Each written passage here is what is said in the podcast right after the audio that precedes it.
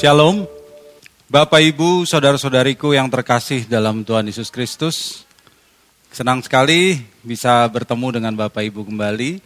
Kita akan mendengarkan firman Tuhan. Mari kita bangkit berdiri dan kita berdoa.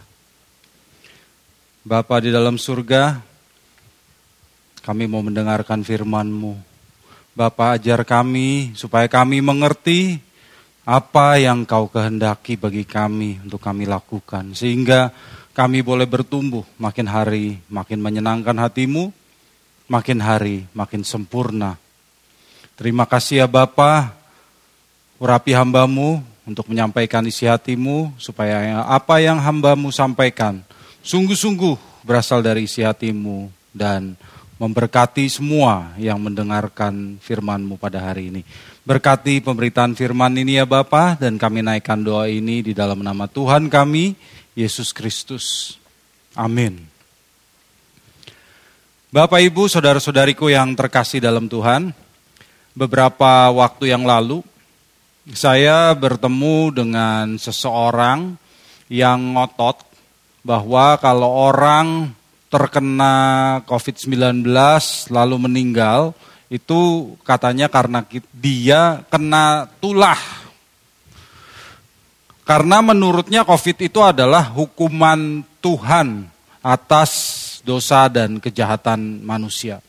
Wah, menurut saya sih ini pandangan yang sangat menghakimi ya dan tidak sensitif atas apa yang dihadapi oleh orang hari ini. Tapi kenyataannya tidak sedikit loh orang yang berpendapat seperti itu. Orang yang berpendapat bahwa COVID itu adalah hukuman Tuhan atas dosa dan kesalahan, kejahatan manusia. Juga mereka menganggap kalau ada bencana alam seperti gempa bumi atau tsunami yang mengakibatkan kehancuran berat, itu juga dipandang sebagai hukuman dari Tuhan. Kalau ada orang yang rumahnya kebakaran, itu juga dipandang hukuman Tuhan katanya. Kalau ada yang naik pesawat terbang lalu pesawatnya kecelakaan, itu juga dipandang hukuman Tuhan. Sampai kalau ada perempuan yang suaminya direbut oleh perempuan lain ya, pelakor gitu. Itu juga katanya hukuman Tuhan, Bapak Ibu. Enggak sedikit loh Bapak Ibu orang Kristen yang berpikiran seperti itu. Dan pandangan ini juga sebetulnya umum dimiliki oleh orang-orang di sepanjang zaman. Bahwa Tuhan itu meresponi dosa dan kesalahan orang dengan menurunkan bencana, tulah, musibah, dan kemalangan atas orang itu karena itulah pada saat Ayub kehilangan anak-anaknya, kehilangan harta bendanya, para sahabatnya yang datang yang seharusnya menghibur Ayub malah menghakimi dia dan mengatakan bahwa Ayub menderita karena dihukum oleh Allah. Nah, Bapak Ibu, Sebaliknya, orang-orang ini juga berpikir bahwa kalau orang mendapat perkenan Allah, maka dia ya akan mendapat berkat-berkat jasmani seperti kekayaan, kesehatan, kemakmuran dan sebagainya. Karena Allah berkenan atasnya dan dia menyenangkan hati Allah sehingga orang itu mendapatkan berkat yang berlimpah-limpah, daerahnya bertambah luas, disertai dan dilindungi, bebas dari malapetaka, tidak tertimpa kesakitan. Seperti dalam doa Yabes. Ya, karena itulah Bapak Ibu. Banyak orang percaya lebih menyukai doa Yabes daripada doa Bapak kami. Padahal doa Yabes itu spesifik untuk Yabes. Ya. Bukan untuk kondisi orang percaya. Kapan Tuhan Yesus mengajarkan orang percaya untuk mendoakan doa Yabes. Tidak pernah kan Bapak Ibu. Jadi pandangan yang salah seperti ini harus kita luruskan. Kenyataannya Bapak Ibu, kita melihat bahwa sudah berapa banyak orang Kristen yang baik, hamba Tuhan yang memberkati banyak orang meninggal karena COVID. Sebaliknya orang-orang yang jahat, menyusahkan orang, suka menyakiti orang, baik-baik saja. Lalu mungkin kita berpikir, kalau begitu di mana keadilan Tuhan? Kita juga mendengar Bapak Ibu bahwa baru-baru ini Amerika Serikat kan meninggalkan Afghanistan.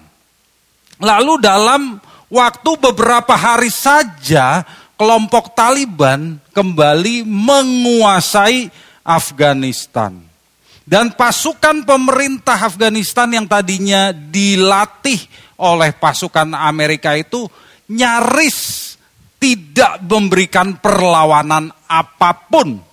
Padahal kelompok Taliban itu dikenal ekstrim, terkenal dari dulu. Pernah memperlakukan rakyat Afghanistan dengan brutal, terutama perempuan. Nah, mungkin kita berpikir, loh, kenapa ya? Kok Allah mengizinkan hal-hal seperti ini terjadi? Di mana keadilan Allah? Tuhan Yesus juga pernah ditanyai oleh orang-orang Yahudi mengenai hal seperti ini. Apakah orang-orang yang berdosa itu seharusnya pasti lebih menderita dibandingkan dengan orang-orang saleh? Apakah orang-orang berdosa pantas mati mengenaskan? Nah, mari coba kita lihat di Alkitab kita. Kita buka Alkitab kita dari Lukas 13 ayat 1. Lukas 13 ayat 1. Pada waktu itu datanglah kepada Yesus beberapa orang membawa kabar tentang orang-orang Galilea yang darahnya dicampurkan Pilatus dengan darah korban yang mereka persembahkan. Bapak Ibu, saudara-saudariku yang terkasih dalam Tuhan.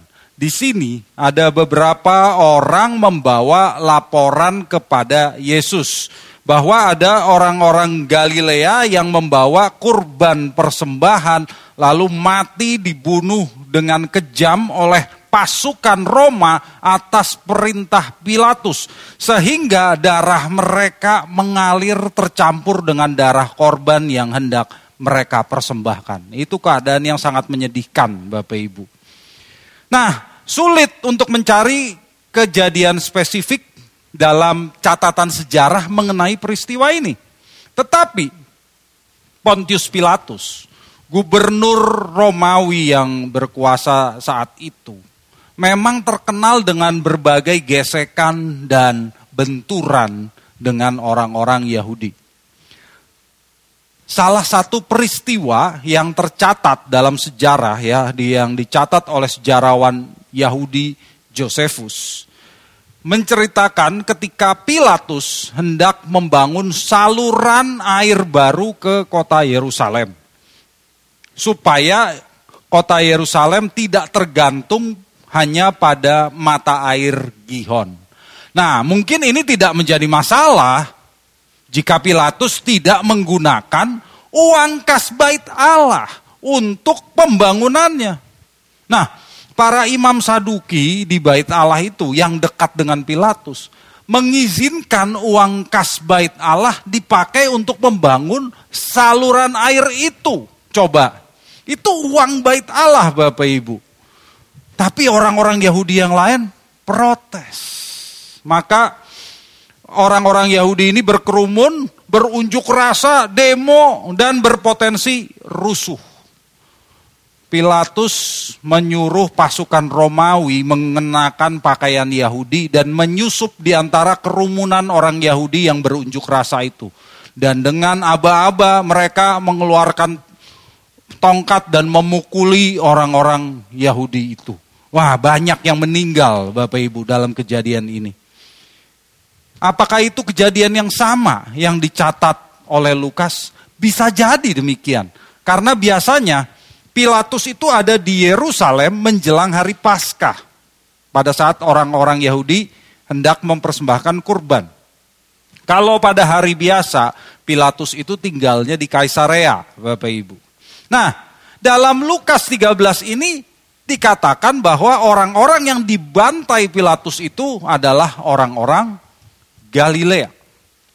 Nah, kalau disebut orang Galilea, kemungkinan mereka ini adalah orang-orang zelot, yaitu orang-orang radikal yang ingin mengenyahkan penjajah Romawi dengan jalan kekerasan.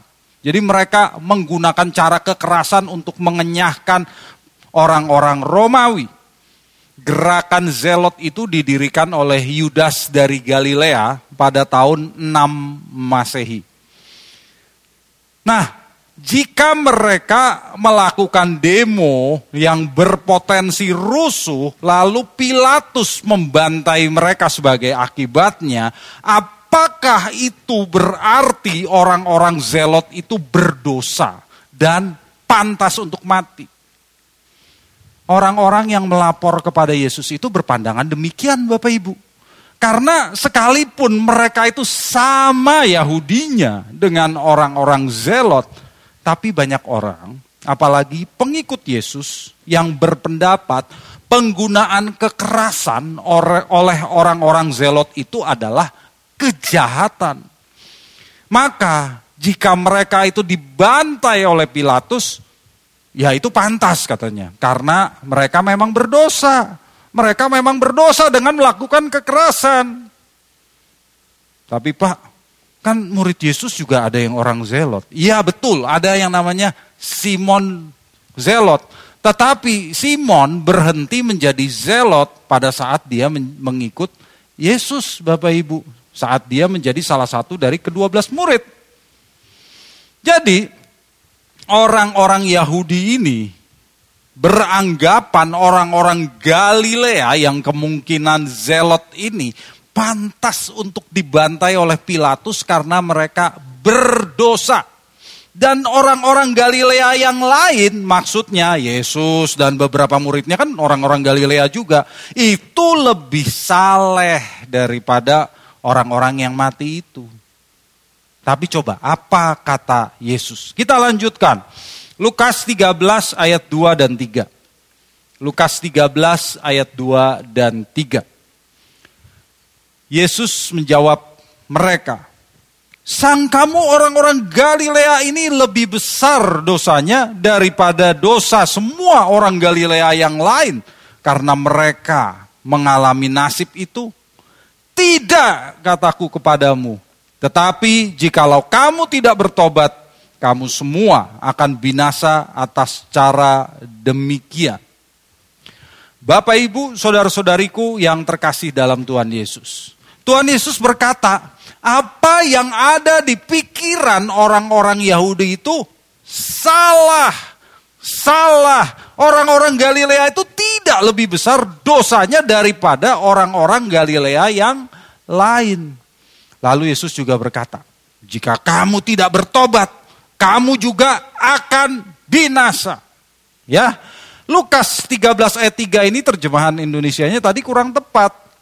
Karena kalau dalam Alkitab bahasa Indonesia dikatakan seolah-olah Yesus berkata bahwa orang-orang yang tidak bertobat juga akan mati dengan cara yang sama dengan orang-orang Galilea yang malang itu. Tetapi sesungguhnya tidak demikian Bapak Ibu. Ayat ini lebih tepat diterjemahkan. Tetapi jikalau kamu tidak bertobat, kamu juga akan binasa. Harusnya terjemahannya begitu saja. Artinya apa? Artinya Yesus berkata, ya mereka berdosa, tapi kamu juga berdosa. Kalau kalian tidak bertobat, pada saat kalian mati, kalian juga akan binasa.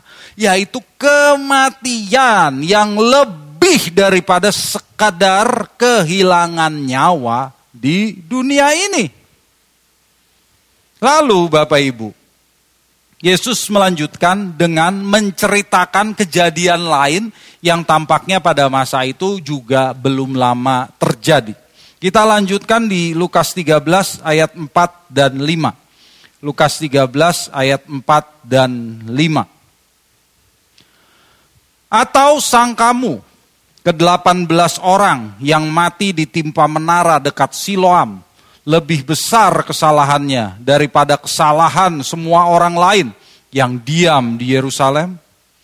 Tidak, kataku kepadamu, tetapi jikalau kamu tidak bertobat, kamu semua akan binasa atas cara demikian. Tuhan Yesus melanjutkan dengan menceritakan tragedi runtuhnya menara di dekat Siloam dan menewaskan 18 orang. Nah, ini diceritakan oleh Tuhan Yesus sebagai pembanding. Pembanding. Kali ini yang terkena bukan orang Galilea. Kenapa? Orang Galilea itu dipandang sebagai orang kampung, Bapak, Ibu, oleh orang Yerusalem. Nah, Yesus berkata, nih kali ini kejadian yang ini yang kena orang Yerusalem. Lalu mereka tewas tertimpa menara, ya, yang artinya mereka terkena bencana, ya, bencana yang tidak disengaja. Itu kecelakaan. Kalau itu karena gempa bumi ya bencana alam begitu ya. Jadi bukan karena disengaja oleh seseorang, tidak seperti orang-orang Galilea yang tadi yang tewas akibat perbuatan Pilatus. Tapi Bapak Ibu, dalam dua kejadian yang menewaskan orang yang berbeda ini, pertanyaan orang-orang tetap sama, yaitu apakah ini hukuman Tuhan atas dosa-dosa mereka? Apakah mereka pantas mati mengenaskan seperti itu? Dan Tuhan Yesus dengan singkat mengatakan, tidak. Bukan itu masalahnya. Tuhan Yesus berkata, kita harus meninggalkan pertanyaan-pertanyaan seperti itu. Bukan itu pertanyaan yang tepat untuk ditanyakan. Yang paling penting adalah kejadian itu mengingatkan kita bahwa kehidupan kita itu ada akhirnya. Itu yang lebih penting. Itu yang harus senantiasa direnungkan. Jadi Bapak Ibu berhentilah bertanya dosa apa yang dilakukan oleh orang itu sehingga dia mati dalam kondisi mengenaskan. Berhentilah bertanya dosa apa yang dilakukan orang itu sehingga bisnis yang tadinya besar itu jatuh dan sehingga dia jatuh miskin. Tuhan Yesus mengajar Bapak Ibu. Berhentilah bertanya seperti itu.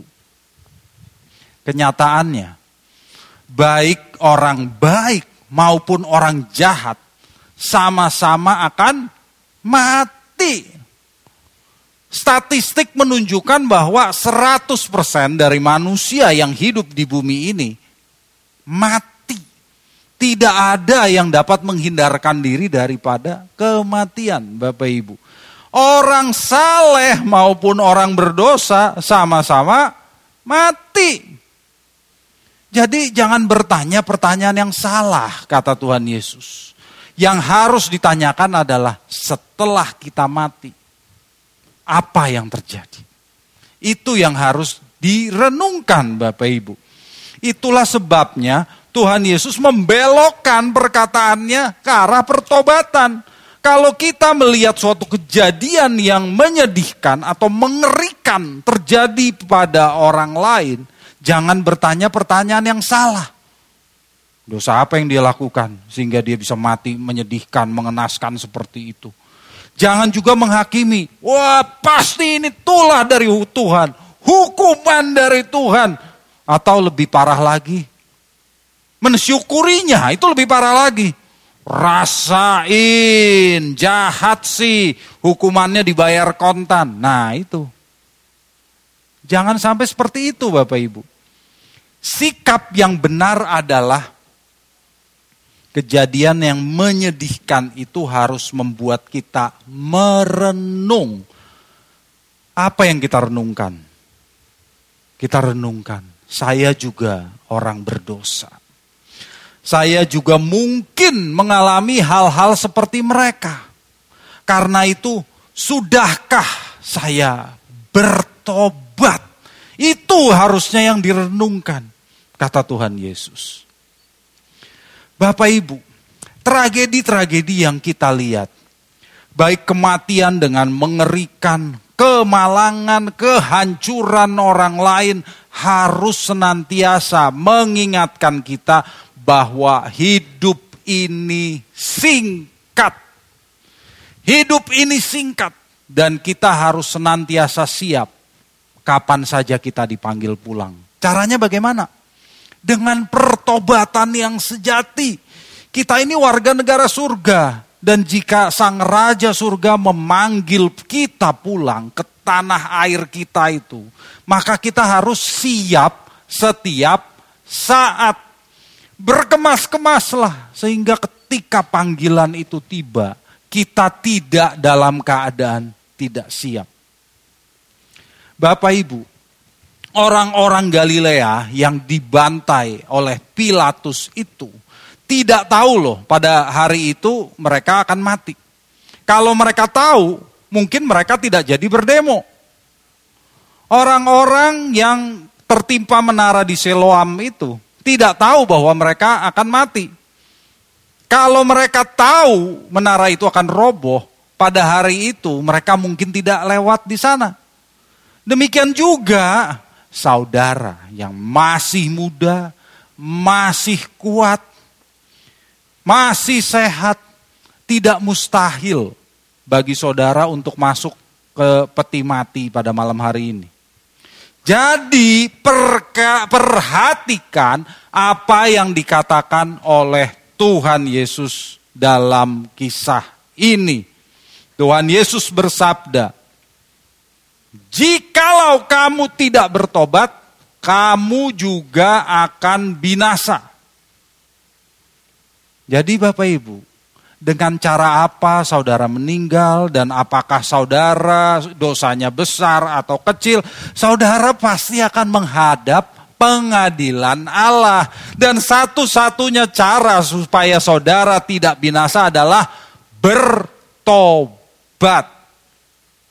Binasa yang dimaksud di sini adalah kebinasaan kekal, Bapak Ibu. Terpisah dari Allah selama-lamanya. Perhatikan apa yang dikatakan oleh Tuhan Yesus dalam pasal sebelumnya. Kita lihat di Lukas 12 ayat 5. Lukas 12 ayat 5. Aku akan menunjukkan kepada kamu siapakah yang harus kamu takuti. Takutilah dia yang setelah membunuh mempunyai kuasa untuk melemparkan orang ke dalam neraka. Sesungguhnya aku berkata kepadamu, takutilah dia. Tapi Pak, saya kan sudah jadi Kristen. Saya kan sudah bertobat. Oke, perlu diperhatikan bahwa dalam bahasa aslinya untuk kata bertobat dalam Lukas 13 ayat 3 ini menggunakan kata metanoite metanoite yang menyatakan suatu kondisi pertobatan terus menerus. Pertobatan yang kontinu. Dalam beberapa manuskrip bahasa asli, di ayat 5 digunakan kata bertobat dalam tense yang lain, yaitu metanoisite. Metanoisite, yang menyatakan bahwa Yesus berkata, kamu harus bertobat sekarang juga. Tetapi manuskrip-manuskrip yang terbaik ya dalam bahasa asli lebih membuktikan bahwa panggilan untuk bertobat dalam ayat 3 dan ayat 5 itu sama yaitu metanoite. Kamu harus terus-menerus bertobat. Kamu harus memiliki sikap pertobatan terus menerus. Bukan cuma sekali pada saat mengaku percaya kepada Tuhan Yesus Kristus. Dari bahasa aslinya jelas bahwa kamu harus bertobat terus menerus. Nah, apa artinya pertobatan kalau begitu? Bapak Ibu yang dikasih Tuhan, bertobat artinya berubah pikiran dalam hal pertobatan terus-menerus. Bertobat artinya mengalami pembaruan pikiran terus-menerus. Roma 12 ayat 2. Apabila kita berdosa, tidak cukup Bapak Ibu jika kita meratapinya, meminta ampun kepada Tuhan, menyesalinya, tapi kemudian besoknya mengulanginya lagi. Itu bukan bertobat namanya. Bertobat itu meninggalkan cara hidup yang sia-sia. 1 Petrus 1 ayat 18. Dan berbalik kepada Tuhan. Hidup dalam penurutan sepenuhnya kepada kehendak Tuhan. Itulah hidup yang bertobat. Iya Pak, saya tahu Pak tentang itu. Tapi ya itu kan sudah dikotbahkan berkali-kali Pak. Tapi berhubung ini berkaitan dengan masalah kekekalan, saya ragu-ragu nih Pak, saya ini sungguh-sungguh sudah bertobat atau belum? Tahu dari mana saya sudah bertobat?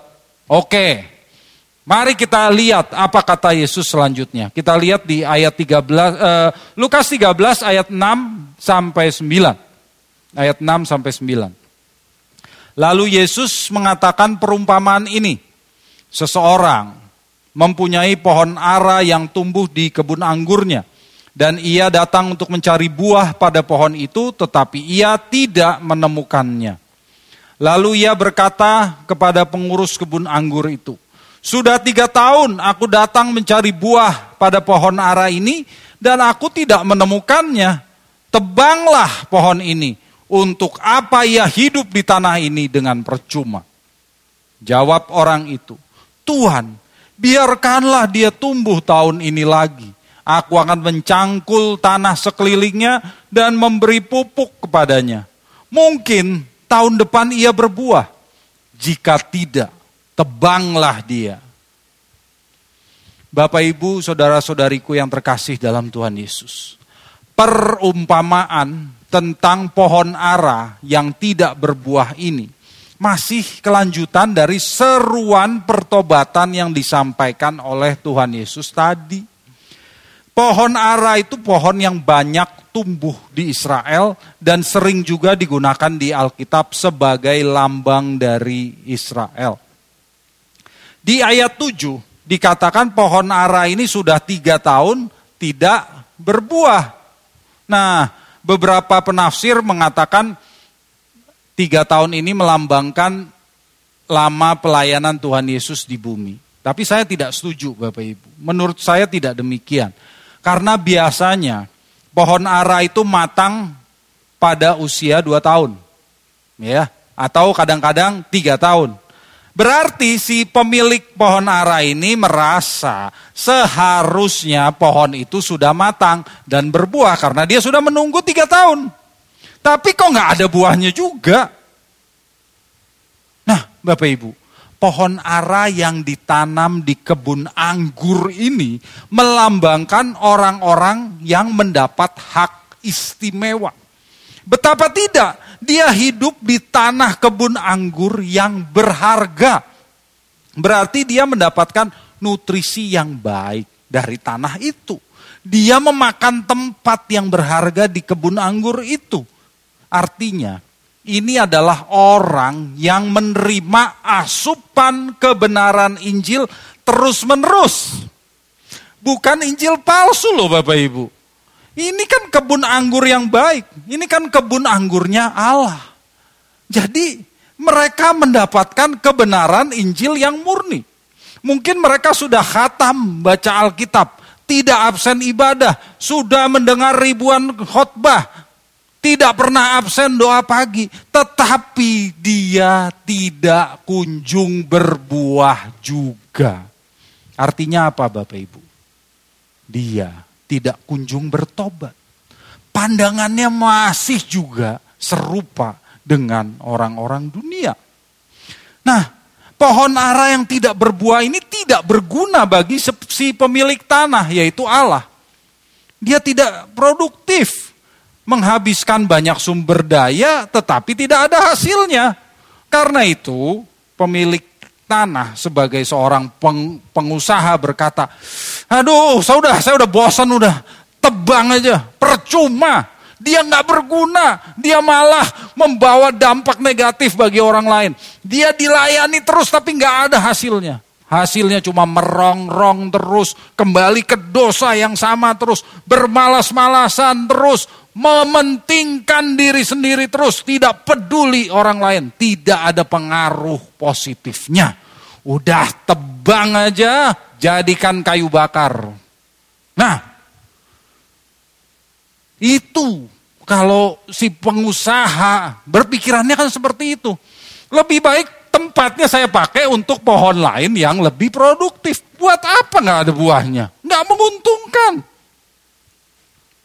Tapi Bapak Ibu, perhatikan di ayat 8. Si pengurus kebun anggur yang melambangkan Tuhan Yesus masih membujuk sang pemilik untuk bersabar. Biarkan dulu, karena Tuhan masih akan aktif memeliharanya dan memberi pupuk. Bayangkan Bapak Ibu, ini luar biasa ya. Tuhan itu sangat sabar. Karena itu kita harus ingat lagu ini Bapak Ibu. Sabarnya Tuhan menghadapiku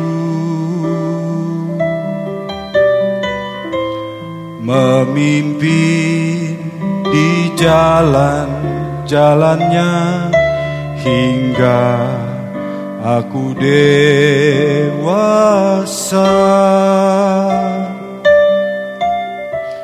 Sabarnya Tuhan. Beriku ajaran.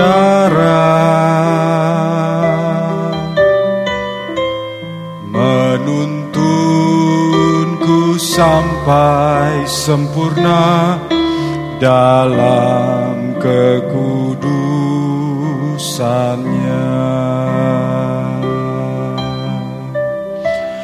Kala ku jatuh diangkatnya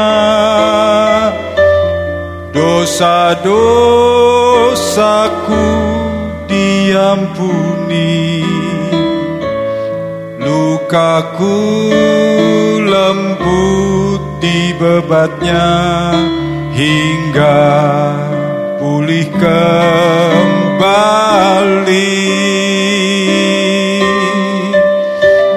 Tuhan ingin aku seperti dia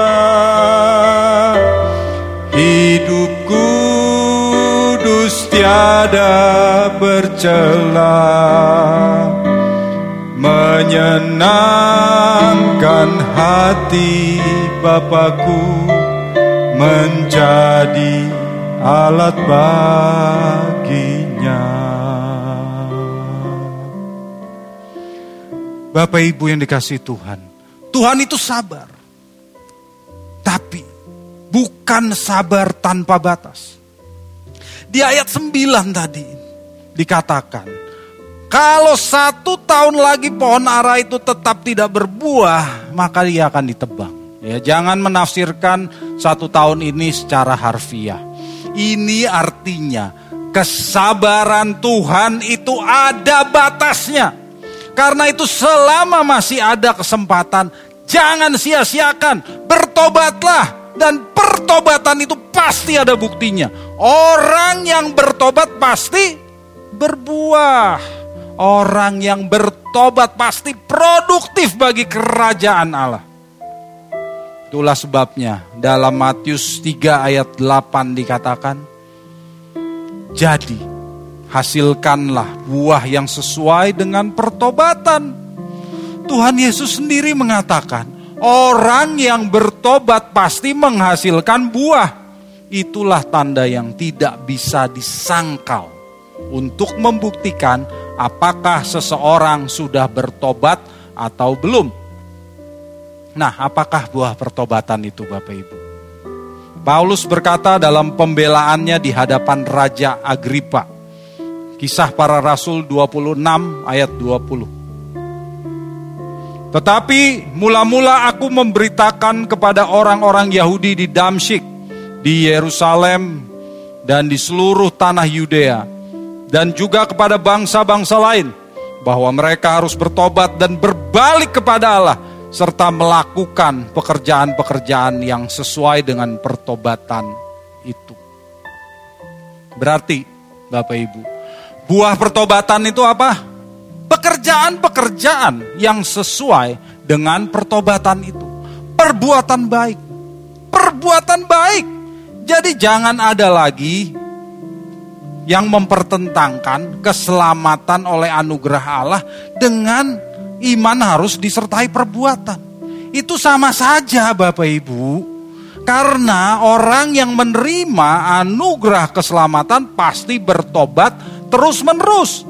Dan orang yang bertobat terus menerus pasti berbuat baik. Tidak mungkin ada orang yang beriman tidak berbuat baik.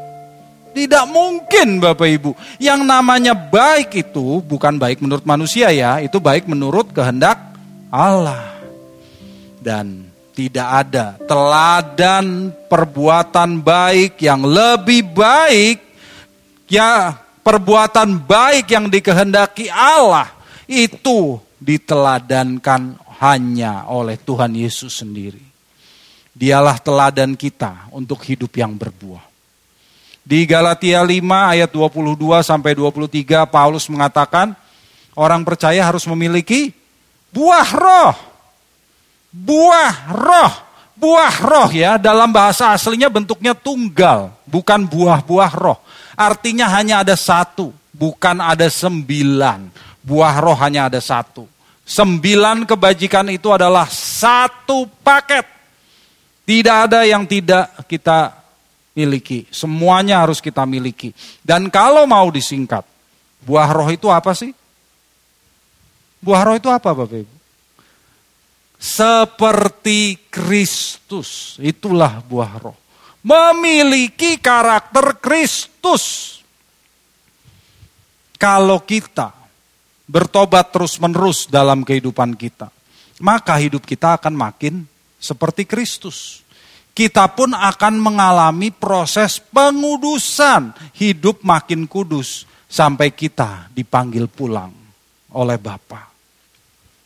Maka Bapak Ibu, jika hari ini Bapak Ibu masih hidup, jika Bapak ini, Bapak Ibu hari ini masih mendengar pesan ini, itu artinya Allah masih sabar terhadap Bapak Ibu jika Bapak Ibu belum menghasilkan buah, artinya belum memiliki sikap yang bertobat terus-menerus, Allah masih memberikan kesempatan bagi Bapak Ibu. Tetapi ingat, kesabaran Allah itu ada batasnya. Jika hidup yang tidak produktif itu dipertahankan terus-menerus, maka kapak akan diayunkannya untuk menebang pohon yang tidak berbuah itu untuk dibuang ke dalam api. Maka jangan sia-siakan waktu dan kesempatan yang diberikan oleh Allah setiap hari untuk bertumbuh dan berbuah makin serupa dengan Tuhan Yesus Kristus. Mari Bapak Ibu, tinggalkan dosa Berbaliklah kepada Tuhan Yesus. Ikuti teladannya, kenakan karakternya dalam kehidupan kita sehari-hari.